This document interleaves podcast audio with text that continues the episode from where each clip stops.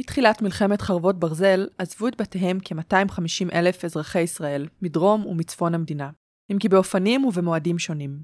מה ההבדל בין הסוגים השונים של פינוי האוכלוסייה? מה ההשלכות של סוג הפינוי, ואיזו מידת מעורבות ניתנה לשלטון המקומי? כל זאת ועוד אחרי הפתיח.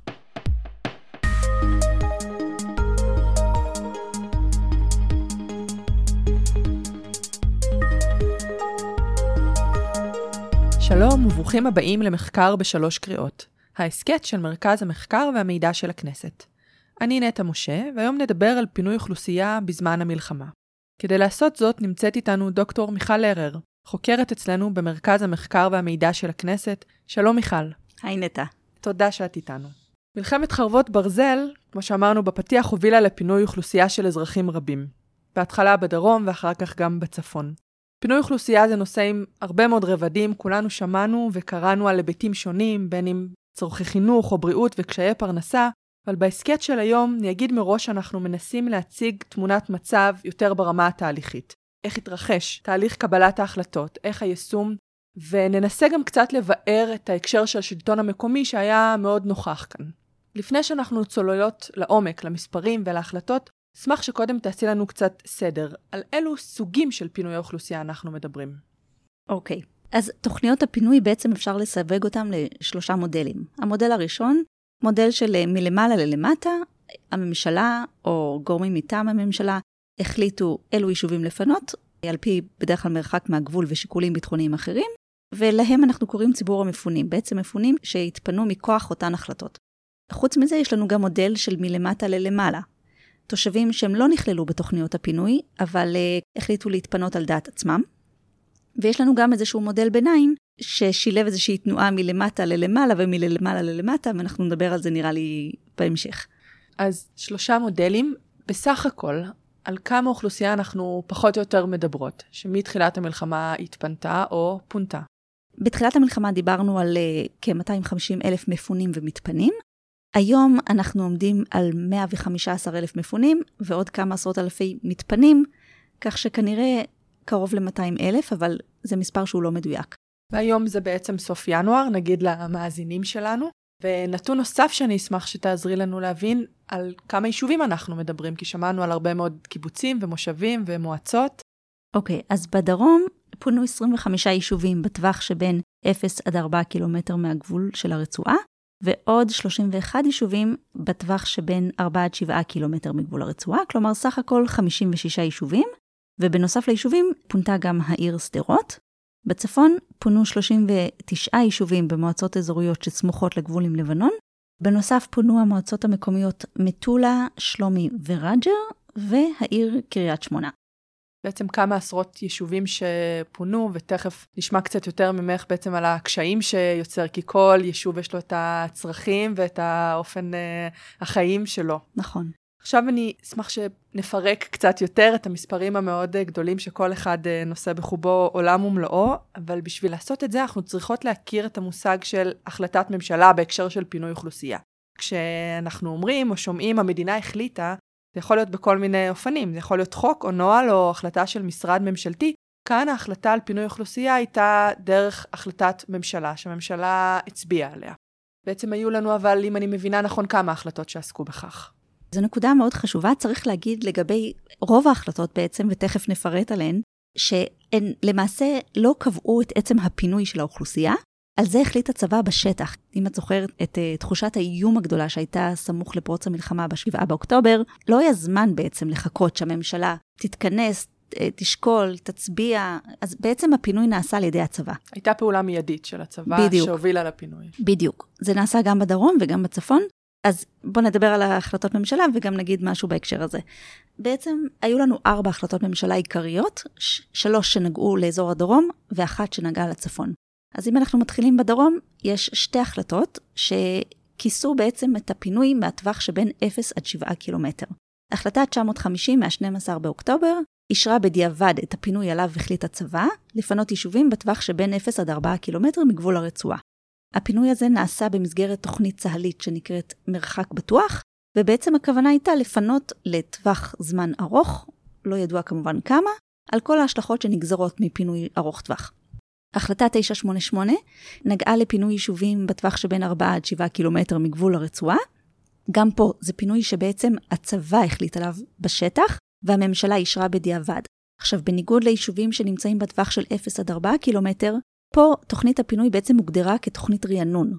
אם את זוכרת נטע, ואני מניחה שגם המאזינים שלנו זוכרים, בעצם אה, עיקר הפגיעה ב-7 באוקטובר היה בקיבוצים וביישובים שהיו יותר סמוכים לגבול הרצועה.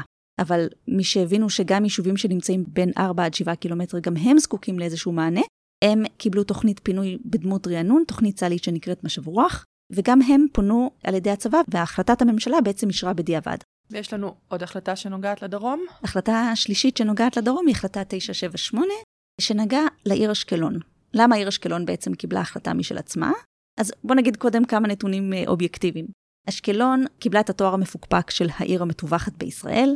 זמן ההגעה למרחב מוגן הוא 30 שניות, ויש פערי מיגון מאוד משמעותיים בעיר. זו נקודה ממש חשובה על פערי המיגון באשקלון, ונגיד למאזינים שיש פודקאסט אה, נפרד על זה, שבעצם מראה צרכים ייחודיים של העיר הזאת, ואולי מסביר את הרקע על ההחלטת ממשלה שאת מדברת עליה. נכון. אז בעצם בגלל הנתונים האובייקטיביים שמאפיינים את העיר אשקלון, מדרישה שהגיעה מהעירייה כלפי הממשלה, הממשלה הבינה שאשקלון אה, זכאית לסיוע אה, משל עצמה, אבל הסיוע הזה לא הוחל על כל אוכלוסיית אשקלון, אלא על שתי אוכלוסיות מובחנות. הראשונה היא אנשים מחוסרי מיגון, וכשאני אומרת מחוסרי מיגון, הכוונה שאין להם מרחב מוגן לא בדירה שהם גרים בה ולא בקומה. והאוכלוסייה השנייה הם קשישים מחוסרי עורף אה, משפחתי יציב.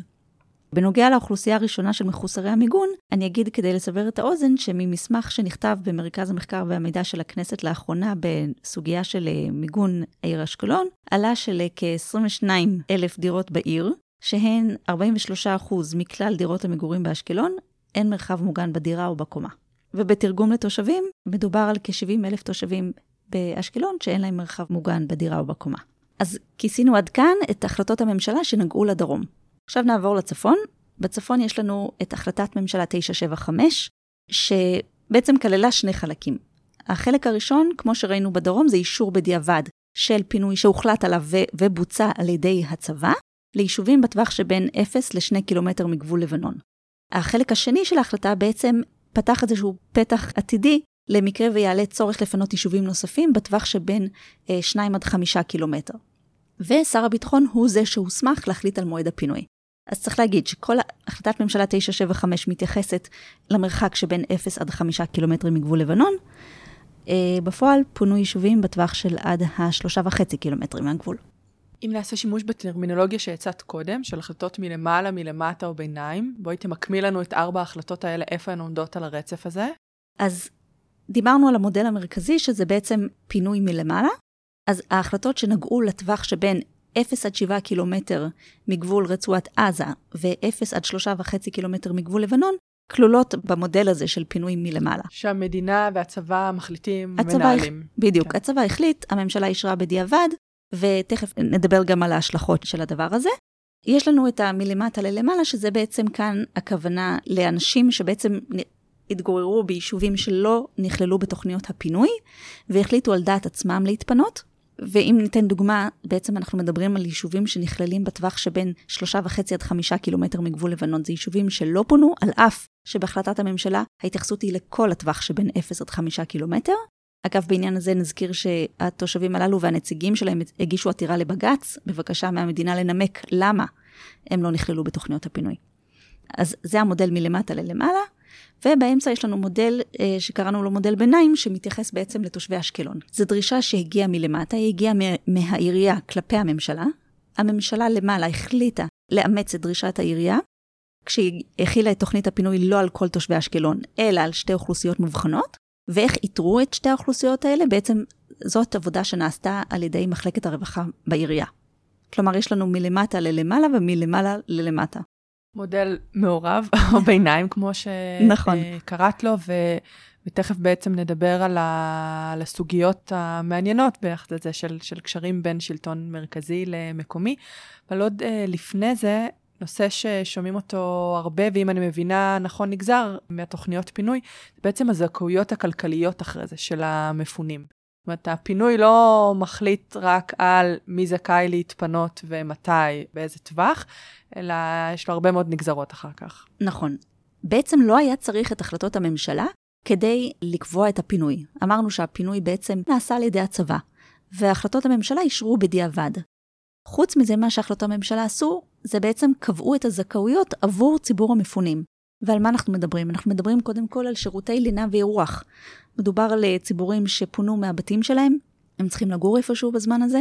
המדינה מימנה שהות במלון, או לחילופין שהות בקהילה, באמצעות קבלת מענק אכלוס בגובה 200 שקלים למבוגר ו-100 שקלים לילד עבור כל יום פינוי. שמצטברים לסכומים גדולים חודשיים. נכון. אם נדמיין משפחה של זוג הורים ושני ילדים, אז בעצם מדובר על סכום של 18,000 שקל בחודש, זה סכום לא מבוטל. חוץ מנושא הלינה והאירוח, האוכלוסיות האלה בעצם היו גם זכאיות, ועדיין זכאיות, לשירותי חינוך ורווחה, וכמובן גם uh, שירותי בריאות. בעצם התייחסות לכל מרכיבי החיים שרלוונטיים למצב הזה של פינוי מהבית. הזכאויות האלה מתייחסות למפונים, למי שהמדינה כללה בתוכניות. נכון, זה ממש אה, נקודה חשובה. הסיוע הזה ניתן רק לגבי מי שנכלל בתוכנית הפינוי. כלומר, אם נחזור לצפון אה, וליישובים שבין שלושה וחצי עד חמישה קילומטר שלא נכללו בתוכניות הפינוי, בעצם מי שהחליט להתפנות על דעת עצמו לא קיבל שום דבר מהמדינה. כי בעצם ההחלטה על הפינוי הייתה בפריזמה צבאית או ביטחונית. נכון, אבל כמו שאת מזכירה ומדגימה לנו, ההשלכות הן אזרחיות, הן בחיי היום-יום של האנשים. ממש ככה. בעצם מה שהמצב שה... הזה יצר, זו מציאות של אה, מועצות או רשויות מקומיות מפוצלות. שאם אה, נדבר רגע על הצפון, יש לנו בצפון אה, חמש מועצות אזוריות, שחלק מהיישובים בהם פונו, חלק לא פונו, ובעצם עכשיו ראשי הרשויות צריכים לדאוג לשלושה סוגים של אוכלוסיות. יש את האוכלוסיות של אותם אנשים שפונו במסגרת תוכניות הפינוי. יש את האוכלוסיות שהחליטו להתפנות על דעת עצמם, כאמור, בלי לקבל שום דבר מהמדינה. ויש את האוכלוסייה שלא פה ולא פה בעצם, והמשיכה לגור בתחומי המועצה, כלומר, יש פה השלכות בעצם גם לציבור המפונים, גם לציבור המתפנים הצבאית וגם לציבור שנשאר בתחומי המועצה, שחלק ממנה פונה וחלק לא. ועל הרשויות המקומיות שצריכות להתמודד עם כל זה. נכון.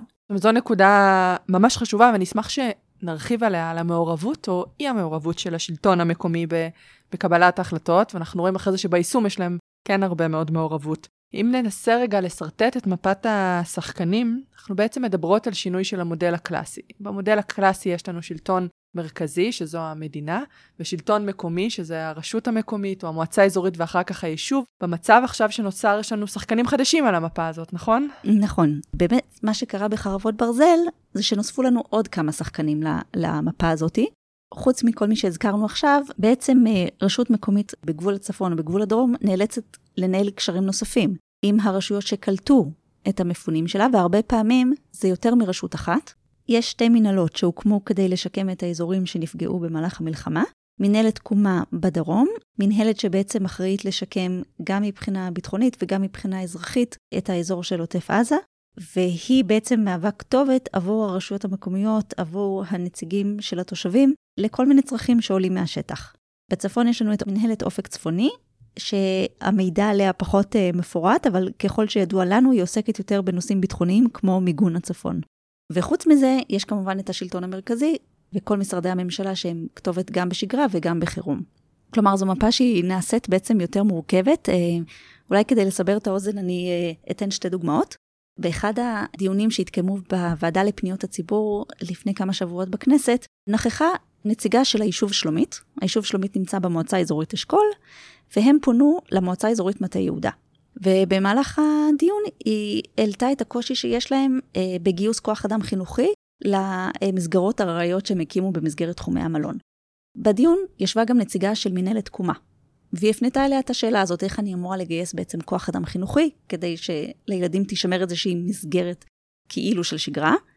והתשובה של הנציגה של מנהלת תקומה הייתה, יש לך מועצה אזורית, קוראים לה אשכול, תפני אליה. אבל איך במועצה אזורית אשכול אמורים למצוא כוח אדם חינוכי במועצה אזורית מטה יהודה? עוד דוגמה נוספת ל- ל- להמחיש את ההשלכות של ריבוי השחקנים כאן, הייתה לי שיחה עם אחד מראשי הרשויות בדרום, ופשוט שאלתי אותו, איך אתה מתנהל במצב הזה, ש- שבעצם נכנסו לכאן כל מיני שחקנים חדשים למי אתה פונה ובאיזה הקשר, האם זה ברור מי עושה מה, מי הכתובת שלך לצרכים שונים. והתשובה שלו הייתה, אני פונה לכולם, ומאיפה שמגיעה התוצאה, מה טוב. אז אולי מבחינת אה, הישגים לתושבים זה מוצלח, אבל כמובן שאם מסתכלים באופן מערכתי, אז יש פה כמובן הרבה מאוד בעיות.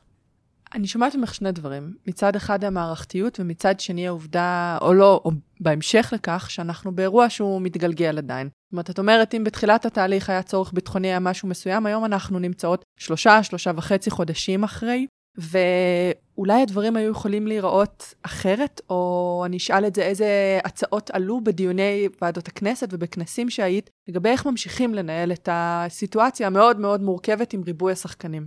אוקיי, okay, אז נשים רגע בצד את השינויים שציינו לגבי uh, מפת השחקנים, ונגיד קודם משהו על המאפיינים של ההחלטות שהתקבלו. אז קודם כל, ריכוזיות. אנחנו יודעים שהשלטון המרכזי הוא מאוד ריכוזי כלפי השלטון המקומי. בהשוואות בינלאומיות, uh, ישראל מדורגת במקום הראשון במובן הזה, וכמו שהממשלה ריכוזית בשגרה, כך היא אולי אפילו עוד יותר ריכוזית בזמן חירום. כלומר, ההחלטות מתקבלות בממשלה ברובן, והשלטון המקומי צריך... להתמודד עם ההשלכות של אותן החלטות, בלי שהוא היה שותף לתהליך. חוץ מזה, הזכרת קודם, באמת פריזמת ההסתכלות הייתה צבאית. איזה יישובים לפנות ואיזה לא, התבססה בעצם על קריטריונים שהם לא שקופים, לא לנו בטח וגם לא לראשי הרשויות, לגבי אה, מה היו השיקולים, את מי לפנות ומתי. ומהתוצאה בעצם אנחנו לומדים של כנראה שלא נלקחו בחשבון שיקולים שהם לא צבאיים. ואנחנו יודעים הרי שהנגזרות וההשלכות של המלחמה הזאת הן במובן מאוד מאוד גדול אזרחיות. אז להסתכל רק מבחינה צבאית, כמובן לא, זה לא מיטבי. חוסר שקיפות, בעצם זה מתקשר קצת לנקודה הקודמת, בעצם עד היום לא כתוב בשום מקום רשמי שפונו יישובים עד גבול השלושה וחצי קילומטר. אנחנו למדנו את הנתון הזה. בצפון. אה, סליחה, בצפון, אה, מדיונים שהתקיימו בכנסת, אבל המידע הזה הוא לא גלוי, יש גם איזושהי חוסר שקיפות בנוגע ליישום של החלטות הממשלה. אם נחזור לדרום, דיברנו על אה, פינוי של יישובים בטווח של בין 0 עד 7 קילומטר. בפועל אנחנו רואים שפונו גם תשעה יישובים שהם מעבר לקו ה-7 קילומטר. למה? אנחנו לא יודעים. כנ"ל לגבי הצפון. דיברנו על זה שהחלטת אה, ממשלה 975 דיברה על כל הטווח שבין 0 עד 5 קילומטר, בפועל פונו יישובים עד קו ה-3.5. למה? גם כן לא ידוע, ואולי גם בהקשר הזה נזכיר את דברי ההסבר להצעת המחליטים שקדמה להחלטת הממשלה, ושם נכתב שבעצם אי אפשר להבטיח קיום חיים נורמליים במילים שלי, לגבי היישובים שנמצאים בכל הטווח שבין 0 עד 5, אלא באמצעות פינוי האוכלוסייה. כלומר, הרציונל היה, צריך לפנות את כולם, בפועל לא כולם פונו, והסיבה לכך היא לא שקופה. וצריך להגיד שהרבה מההחלטות בעצם התקבלו ממש ברגע האחרון. בעצם הפלטפורמה המוסדית להערכת תוכניות הפינוי היא החלטות ממשלה שצריכות להתקבל מעת לעת. וראינו בשתי הפעמים האחרונות שבעצם ההחלטה לגבי הערכת תוכנית הפינוי התקבלה יום לפני שהתוכנית הנוכחית פקעה. וזה כמובן משאיר את התושבים במצב של אי ודאות מאוד מאוד גדול. מה יקרה איתם מחר בבוקר? האם הממשלה תחליט על המשך תוכנית הפינוי? ואם לא, מה הם עושים? כלומר, זה, זה מצב של אי ודאות שהוא בעצם גם ככה מתלבש על מצב של אי-ודאות שכרוך במלחמה. אלו באמת הרבה מאוד דוגמאות של אי-ודאות ברמת האזרח או התושב, אבל בכל זאת, מה אנחנו רואים מהאירועים של השלושה וחצי חודשים האלה, שאפשר ללמוד מהם משהו יותר על ברמה התהליכית, בין יחסי שלטון מרכזי למקומי? כי היו פה הרבה מאוד דברים להתמודד איתם, והיו התמודדויות שונות. אוקיי, okay, אז אה, באמת אם ננסה ללמוד מזה משהו על הרחב יותר, אז אני חושבת שהדוגמה הזאת של, אה, או המקרה בוחן הזה של התוכניות לפינוי אוכלוסייה במסגרת חרבות ברזל, בעצם אנחנו לומדים ממנה שהשלטון המקומי לא היה שותף לתהליכי קבלת ההחלטות, כלומר, השלטון המרכזי החליט פחות או יותר מעל ראשי הרשויות המקומיות, ואני חושבת שאפשר להעלות את השאלה או להשאיר את המאזינים עם נקודה למחשבה מה היה קורה אילו, אם דברים היו יותר שקופים. אם ראשי הרשויות והתושבים היו מבינים את השיקולים שעל בסיסם הצבא החליט אילו יישובים לפנות ואילו לא. אם השלטון המרכזי היה לוקח בחשבון צרכים שונים שהם לא רק צבאיים, אלא גם אזרחיים, שזה צרכים שראשי הרשויות יודעים להעלות למעלה, האם היה אפשר לעשות דברים אחרת. אה, אולי נגיד בהקשר הזה, שיש איזשהו מדד שנועד להעריך את אה, רמת האוטונומיה המקומית של השלטון המקומי. זה מדד שנקרא LAI, Local Autonomy Index, ומסקירה מאוד מעניינת שערך המכון הישראלי לדמוקרטיה, אנחנו לומדים על איפה ישראל ממוקמת בעצם ביחס למדינות אחרות מבחינת המדד הזה. עכשיו לענייננו, המדד מורכב משבעה רכיבים שונים, אחד מהם מדבר על נגישות, למה הכוונה? בעצם לקיומם של מנגנוני היוועצות פורמליים שקיימים בין השלטון המרכזי לשלטון המקומי. ומה שהסקירה הזאת אה, בעצם אה, מצאה, שברוב המדינות המערביות והדמוקרטיות קיימים מנגנונים כאלה. כלומר, בשגרה, ואני מניחה שגם בחירום, השלטון המרכזי מתייעץ עם השלטון המקומי בסוגיות שנוגעות במיוחד אל השלטון המקומי. בישראל אין מנגנונים כאלה, לפחות לא פורמליים. כלומר, יש הרבה מנגנונים לא פורמליים, אולי זה גם מתיישב עם האופי הישראלי. קשר אישי של ראש רשות לשר מסוים יכול להניב איזה שהן תוצאות, אבל מבחינת משהו מוסדר שמחייב את השלטון המרכזי לקחת בחשבון את השלטון המקומי בתהליכי קבלת ההחלטות, אין. כרגע הממשלה זה נראה שהיא מתנהלת בצורה יחסית בינארית. אפס או אחד, האם לפנות את כל היישוב או לא לפנות את היישוב. האם לתת מענה לכולם או לא לתת מענה לאף אחד.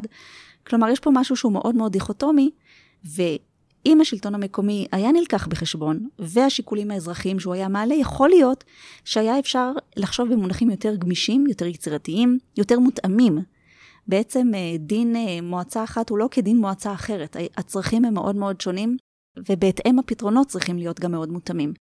וצריך להגיד, אמנם בתחילת המלחמה אולי זה היה מוגזם לצפות שהשלטון המרכזי ייקח את השלטון המקומי בחשבון, תחושת הדחיפות הייתה מאוד גדולה, זה ברור. אבל עכשיו אנחנו מתקרבים להיות ארבעה חודשים אחרי תחילת המלחמה, ו- וזה זמן שבעצם אני חושבת היה אפשר לכלול גם שיקולים אזרחיים בתהליכי קבלת ההחלטות. ועוד יותר במבט קדימה, אם חושבים על העובדה שהאירוע הזה הוא ממש לא מאחורינו, ובעצם כל התהליך של החזרה הביתה של המפונים צריך לעשות בשיתוף פעולה איתם ועם הנציגים שלהם ברשויות המקומיות, על מנת שהתהליך הזה יהיה מיטבי. וכדי שלא יחליטו שוב מעל הראש שלהם, ואז נתמודד עם השלכות אזרחיות שהן לא פשוטות. מיכל, תודה רבה. היה מרתק, ובייחוד הסוף שהשארת לנו חומר למחשבה. למאזינים שמעוניינים, מיכל, אנחנו יודעים שיש שני מסמכים שכתבת ונמצאים באתר מרכז המחקר והמידע של הכנסת, שעוסקים בדיוק בנושא הזה של פינוי אוכלוסייה. נכון. אנחנו ממליצים מאוד uh, לקרוא, ויש גם מסמכים רבים שקשורים לנושאים של מלחמה, אזרחיים ואחרים שנמצאים באתר מרכז המחקר והמידע של הכנסת. אתם מוזמנים לעקוב. תודה, וניפגש בהסכת הבא.